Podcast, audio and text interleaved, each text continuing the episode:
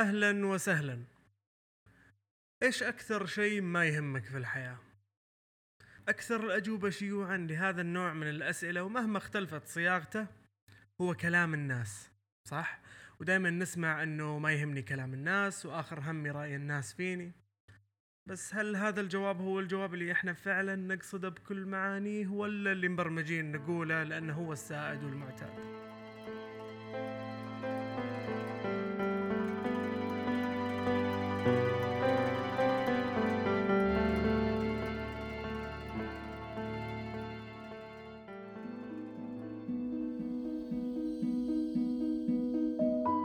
شخص يجلس الحالة لازم تكون إنجازاته جزء من أفكاره. بتفكر إيش خططت قبل سنة وكم نسبة إنجازك. بتقارن نفسك مع مجموعات تنتمي لها مثل الناس اللي في فئتك العمرية. وين أنت؟ وين صاروا هم؟ يضيق صدرك أنه شخص أقل منك أو يساويك عمرا أو كفاءة. قدر أنه يحقق شيء أفضل منك. تحاول يكون عندك مواضيع وإنجازات ومعلومات تشاركها إذا جلست مع مجموعة ناس عشان ترسم صورتك اللي تبغاهم يشوفونك فيها. كون الشخص في قلق دائم من انطباع الناس عنه ونظرتهم له ما يعتبر غلط. هذا شعور لا إرادي موجود عند الكل وبدرجات مختلفة. الكل يقول إنه ما يهمه كلام الناس ونظرتهم له لكن في ناس القلق هذا ممكن يأثر على حياته ونفسيته. وناس ثانية يطري في بالهم بشكل بسيط وينبسط لما ينبهر الناس بمسماه الوظيفي مثلا أو إنجازاته. بس عادي عنده لو ما حد درى عنه. الخلاصة هي أن الكل عنده نسبة قلق ولو كانت بسيطة في قلبه.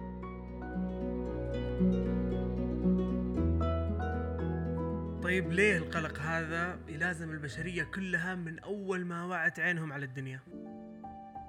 جرب تقول لشخص عشوائي عرفني بنفسك. أو كلمني عن نفسك. أو لا تروح بعيد. جاوب أنت على السؤال. الكل بيجاوب بنفس الأجوبة التالية ومو بالضرورة نفس الترتيب. اسمي فلان عمري كذا وكذا. هذه بسيطة. بعدين يبدأ. خريج أو طالب في التخصص الفلاني أو الجامعة الفلانية. أو ممكن موظف في المكان الفلاني أو رئيس القسم الفلاني الله أعلم. بعدين تبدأ البهارات. تعلمت اللغات الفلانية عندي حزام أصفر في الكاراتيه لما كان عمري عشر سنوات. أعرف أسوي بيض اللي لما تقطعه يطلع لك جبن من داخل. أعرف أسوي دوائر وأنا أدخن. عموما يعني إنجازات يحاول فيها إنه يبهر الشخص اللي وجه السؤال. ترى يمكن الأم هي الشخص الوحيد اللي يهمه شخصك وذاتك مو مكانتك وإنجازاتك سواء كنت شخص بسيط بدخل بسيط أو كنت جراح أعصاب قد الدنيا وليدي وليدي وألف من يتمناه ما فيه بس مو كل المجتمع زي الوالدة صح؟ المحيط اللي أنت فيه تهمهم إجابتك لأن إجابتك بتحدد إذا أنت راح تثير اهتمامهم ويتحمسون يعرفونك أكثر ولا بيقولون يعطيك العافية ويتركونك. وصراحة يعني إحنا مخلوقات اجتماعية ونحب تبادل المصالح والاهتمامات وغير كذا جوابك ممكن يحدد حصولك على فرص في الحياة أو عدمها. فلو تفكر فيها ال business card الآن تعتبر هويتك قدام الناس.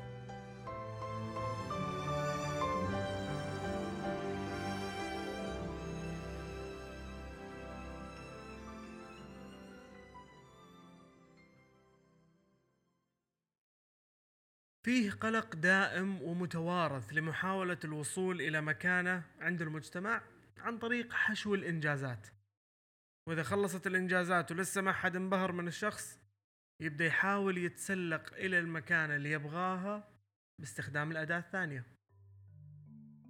المظهر.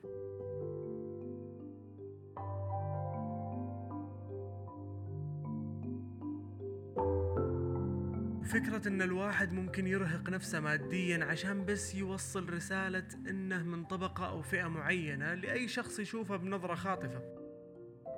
أحد الشغلات اللي انتبهت لها من فترة وأثارت اهتمامي هو أن اللي يتكلمون عن إدارة الأموال والادخار والاستثمار دائما يقولون إن الشخص اللي عنده إدارة جيدة لأمواله إذا قرر يقتني أي شيء تهمه العملية والجودة. وكيف المنتج اللي ياخذه يخدم احتياجه هو ما يخدم احتياج الناس الثانية. بمعنى أنه ما يهمه إيش العلامة التجارية حقت الملابس أو السيارة أو غيرها من المقتنيات. بكذا نفهم أن كثير من الأشخاص المقتدرين أو الغير مقتدرين دائما يفكرون بالمشاعر اللي بتجيهم من محيطهم لما يقتنون شيء من علامة تجارية معينة. لأن في بالهم يعتقدون أنه راح يملؤون الفراغ اللي عندهم لما الناس يعاملونهم بشكل مختلف. لأن سيارتهم أو ملابسهم أو إيش ما كان من الشركة الفلانية تكرر هذا الفعل يوحي لنا أنه أمر فطري مفروغ منه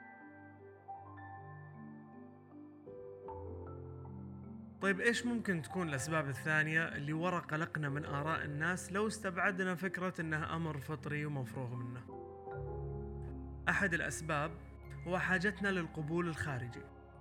ما نقدر نقيم أنفسنا بدون ما نسمع آراء الناس اللي حولنا. المقربين مننا على الأقل.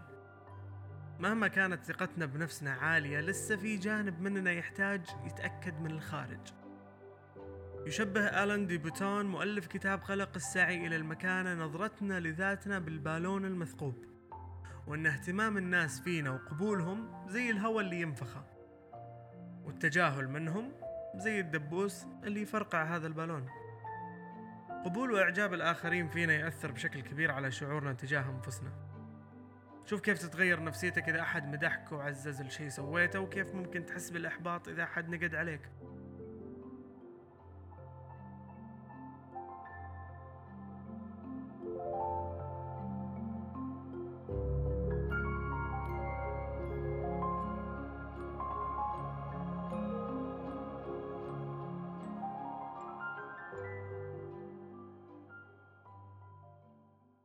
سبب آخر لقلقنا المزمن من آراء الآخرين وهو النجم الأسباب للقلق هذا هو المقارنة.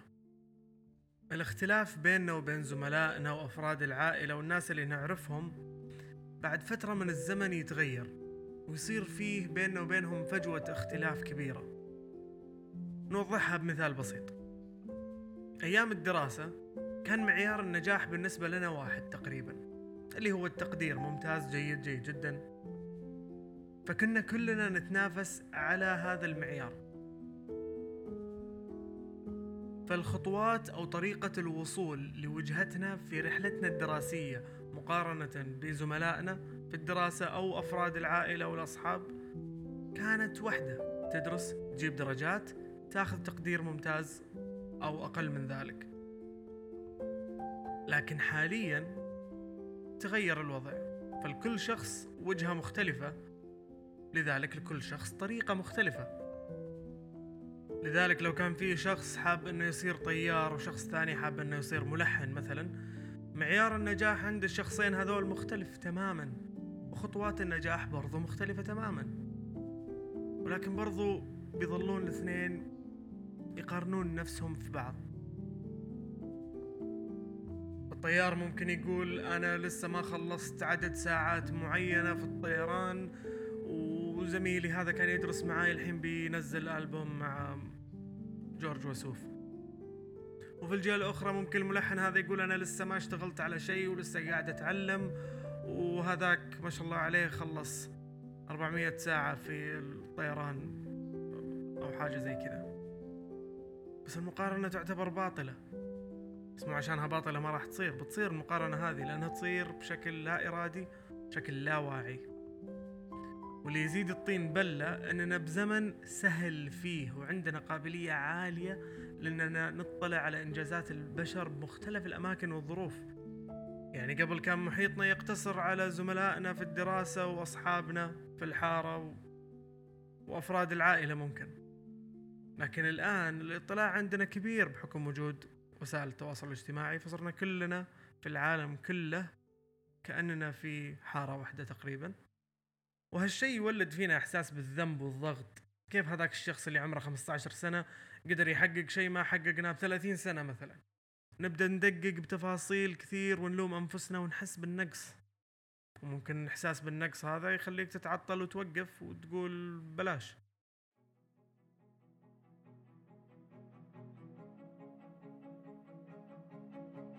قبل عصور طويلة من الزمن كان موضوع المكانة يعتمد بشكل أساسي على الحظ. يا تنولد وفي فمك ملعقة من ذهب أو ملعقة بلاستيك. مالك أي قرار أو تحكم في الموضوع. فممكن تنولد وانت من عائلة ذات منصب وشأن ومقتدرة ماديا ولما تكبر الفرص الوظيفية جاهزة قدامك وتنتظرك. في هذه الحالة الفضل لا يعود لك شخصيا لأنك أنت ما استحقيت هذا الشيء بل كنت محظوظ بالقدر الكافي. وممكن تنولد في عائلة ضعيفة ماديا وذات فرص محدودة جدا وتضطر تعمل في وظيفة صعبة وبسيطة جدا. في هذه الحالة مو ذنبك لأن المسألة مسألة حظ.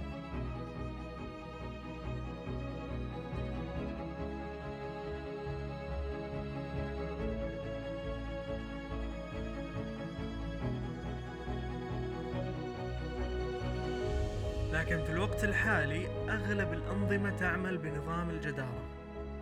بغض النظر عن وضعك المادي وطبقتك الاجتماعية كل الناس عندهم فرصة بأنهم يتنافسون ويتفوقون على مقاييس ومعايير مختلفة حسب التخصص اللي حاب يدخل الشخص. يعني أنت وغيرك من زملائك في المدرسة عندكم اهتمامات مختلفة. هذا التخصص اللي تبغى تتخصصه؟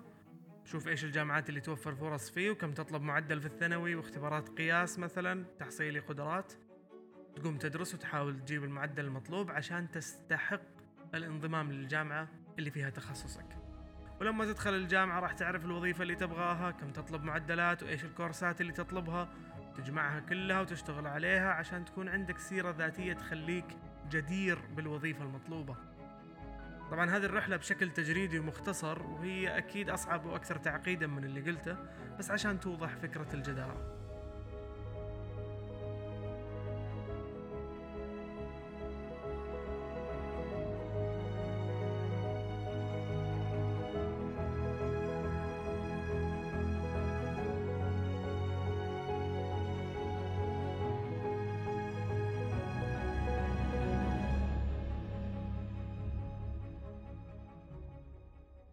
حلو نظام الجدارة منصف وعادل جدا ويوفر الفرص للكل. لكن نظام الجدارة فيه جزئية صغيرة ما تؤخذ بالحسبان وهي اللي تخلي نظام الجدارة مو بالحلاوة اللي إحنا نعتقدها. لما يعمل الشخص على تحقيق مكانة معينة ويطحن نفسه يمين يسار لفترة طويلة ويوصل للي يبغاه معناه إنه استحق المكانة اللي وصل لها بجدارة صح؟ صح. هذا اللي كنا نقوله قبل شوي. بس لما نفكر بهذه الطريقة معناها إن برضو نعتقد إن الشخص اللي ما قدر يوصل للمكان اللي يسعى لها استحق الفشل اللي هو فيه. لأنه في هذا الزمن الناس ما صارت تؤمن بالحظ والحوادث اللي ممكن تحصل للشخص. ما حد بيصدقك أو بيهتم فيك لو قلت إنك ما وصلت للي تسعى له بسبب سوء حظك. إيش يعني سوء حظك؟ كنت على وشك توصل لمكانة معينة بكل جدارة بس صار لك ظرف صحي مثلا مادي عائلي إيش ما كان. وعطلك شوي وما وصلت. المجتمع بيسألك بشكل غير مباشر يعني من النهاية وصلت ولا ما وصلت. ما يهم إيش اللي حصل لأنه غيرك وصل. طيب إيش الحل؟ قبل كل شيء نحتاج نعيد ترتيب قائمة رغباتنا. نحتاج نتأكد هل هذا فعلا اللي نبغى نحققه بحياتنا ولا بس قاعدين نضيف أشياء بغير وعي؟ البعض ممكن يقول طيب العمر يفوت ولازم ننجز ونسوي زي غيرنا وهذا صحيح. بس لازم برضو تراجع نفسك.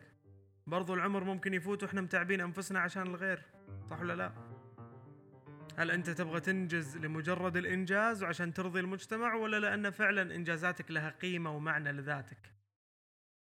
وغالبا في رحلة إنجازاتك بتسمع آراء كثير وتقريبا من كل الناس. فهنا في شغلة مهمة وهي إنك تعرف تفرق مين اللي رأيه مهم ومين لا. ونتعلم نحط وزن لآراء الآخرين فينا. يقول الفيلسوف شوبنهاور لو صفقت الجماهير لأداء الموسيقار فهل سيشعر بنشوة لو علم أنهم صم لا يستطيعون السمع؟ هذا معنى دقيق لأن مو أي أحد يقول لنا شيء يعني راية في محله. وهذه الإشكالية نشوفها غالبا مع الفنانين أو اللي شغلهم يكون فيه تفاصيل مخفية. فأحيانا تشوف شخص رسم رسمة بستايل معين مثلا. وجاله رأي من شخص آخر غير مطلع أو شخص غير خبير في الفن مثلا. وشاف رسمة الفنان اللي حط فيها تعبه وفيها معاني دفينة وما أعرف إيش وقال له يا عمي شخابيط إيش مورينا أنت الله يعافيك. ففي هذه الحالة الفنان المفروض ما يهتم للرأي الشخص هذا لأنه ما يضيف له ولا ينقص منه. لأنه غير مختص وغير فاهم أساسا في الشغلة اللي هو قاعد يسويها. أنا عارف أن الموضوع جدا صعب خصوصا أنه يصير غالبا من ناس قريبين. يعني تكون أنت فنان مثلا ولا رسام ويجي عمك ولا خالك اللي أنت ترجف لما تكلمه ويقول لك إيش قاعد تستهبل أنت؟ وش مسوي؟ صعبة إنك ما تأخذ رأي هذا الشخص أو إنه ما يأثر فيك. أوكي ممكن ما تأخذ رأيه بس راح يأثر فيك مية بالمية. بس هل هذا شيء ممكن تتجاوزه؟ أنا آسف على الكليشة اللي بقولها بس ممكن إذا أنت مؤمن بشغلك. وعارف معايير النجاح حقت عملك. فضروري جدا نتأكد من شريحة الناس اللي قاعدة تقيمنا. نصنفهم حسب كفاءتهم وخبرتهم في الموضوع اللي يعطونا رأيهم فيه. نتذكر إنهم بشر مثلنا لهم عيوبهم ومحاولاتهم وأخطائهم. وكلهم متفاوتين في نسب العلم والجهل في مختلف التخصصات. والمرحلة العمرية برضو خداعة. يعني صحيح إن الاستعانة بخبرات الناس الأكبر سنا شيء مفيد لكن الحقيقة اللي تعتبر مرة على بعض كبار السن هو أنك أنت عندك خبرة سنين وتقدر تنصح وتوجه في مجالات معينة فقط. صراحة أنا من الناس اللي ضيعوا فرصة ممتازة جدا في اختيار تخصص الجامعة لما كان عمري 18 سنة. وضاعت الفرصة هذه بس عشان استشرت شخص أكبر مني سنا فقط. بس عشان أكبر مني. ما في أي مؤشر ثاني يفيدني. الغلط هنا إني استعنت فيه في شيء خارج عن علمه وخبرته. هو ما قصر. يدري إنه ما عنده خبرة في هذا الموضوع وقام يدلو بدلوه.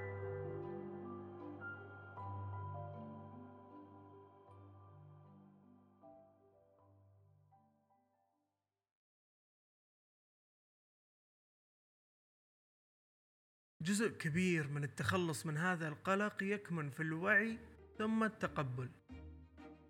أنت إنسان طبيعي زيه زي غيره ممكن يتعثر ويرجع. بس المصيبة لو تدخل اليوتيوب وتشوف أطنان من المقاطع اللي تقول لك كيف تقدر تصير مثلا مستقل ماديا قبل سن الأربعين. كيف تقدر تنزل أربعين كيلو في شهر واحد؟ تقص راسك ولا تقص ذراعك؟ عشان تنزل بسرعة. وفي كل مجال بتحصل لك مقطع. ولازم يقول لك بين قوسين بطريقة سهلة وسريعة. فمخك بيتبرمج إن الموضوع ممكن يصير بهالسرعة وهالسهولة في مدة قصيرة فبتحس بضغط نفسي مش طبيعي. كل هذه الأشياء لو أنها كانت فعلا بهذه السهولة كان ما صارت المقاطع هذه رائجة ومشاهداتها عالية وكان الكل سواها من قبل لا يكتشفها اللي سوى الفيديو. It's too good to be true. يعني إن هذا الشيء جيد لدرجة إنك مستحيل تصدقه أو مشكوك بصحته ومصداقيته. كل هذه المقاطع ما راح يذكرون لك إنك ممكن تفشل أكثر من مرة يمكن تفشل لما تصيح. فتقبل وجود الإخفاق أو الفشل كواحدة من خطوات الإنجاز وتقبل إنك تصافح الفشل لأنه جزء من إنجازك هذا كله في النهاية. فلا تحبس نفسك بإطار وتخلي إنجازاتك المادية بس هي اللي تتكلم عنك. حاول تتخلص من القلق اللي قاعد يكبر معاك لا إراديا.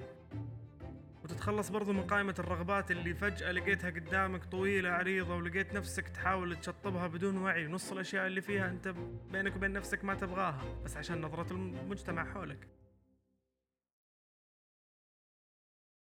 طيب الحين لو جيت وسألتك عرفني بنفسك هل راح يختلف جوابك؟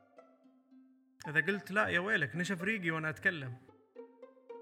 بس متأكد إنك راح تنظر لنفسك كشيء أكبر من الثلاث أسطر المطبوعة على ال business card. إن حالك حال أي إنسان ثاني وإن بداخلك شيء له معنى أبعد من طموحاتك المادية. مو بس مقتصر على طموحات مادية فقط.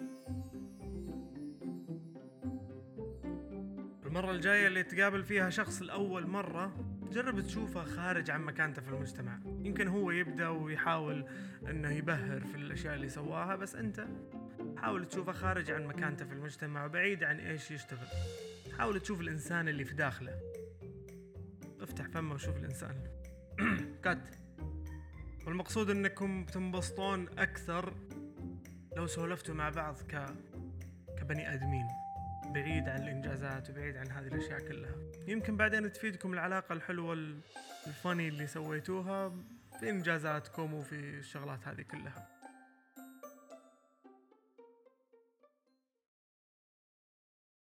أتمنى أنكم استفدتوا ولو الشيء البسيط من هذه الحلقة ومن هذا الموضوع.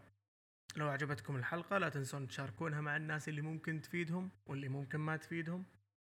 برضو متحمسين ويفيدنا بشكل جدا كبير أننا نعرف رأيكم عن هذه الحلقة أو الحلقات السابقة عن طريق تعليق في أي تطبيق تستخدمه للاستماع للبودكاست المفضل لديك.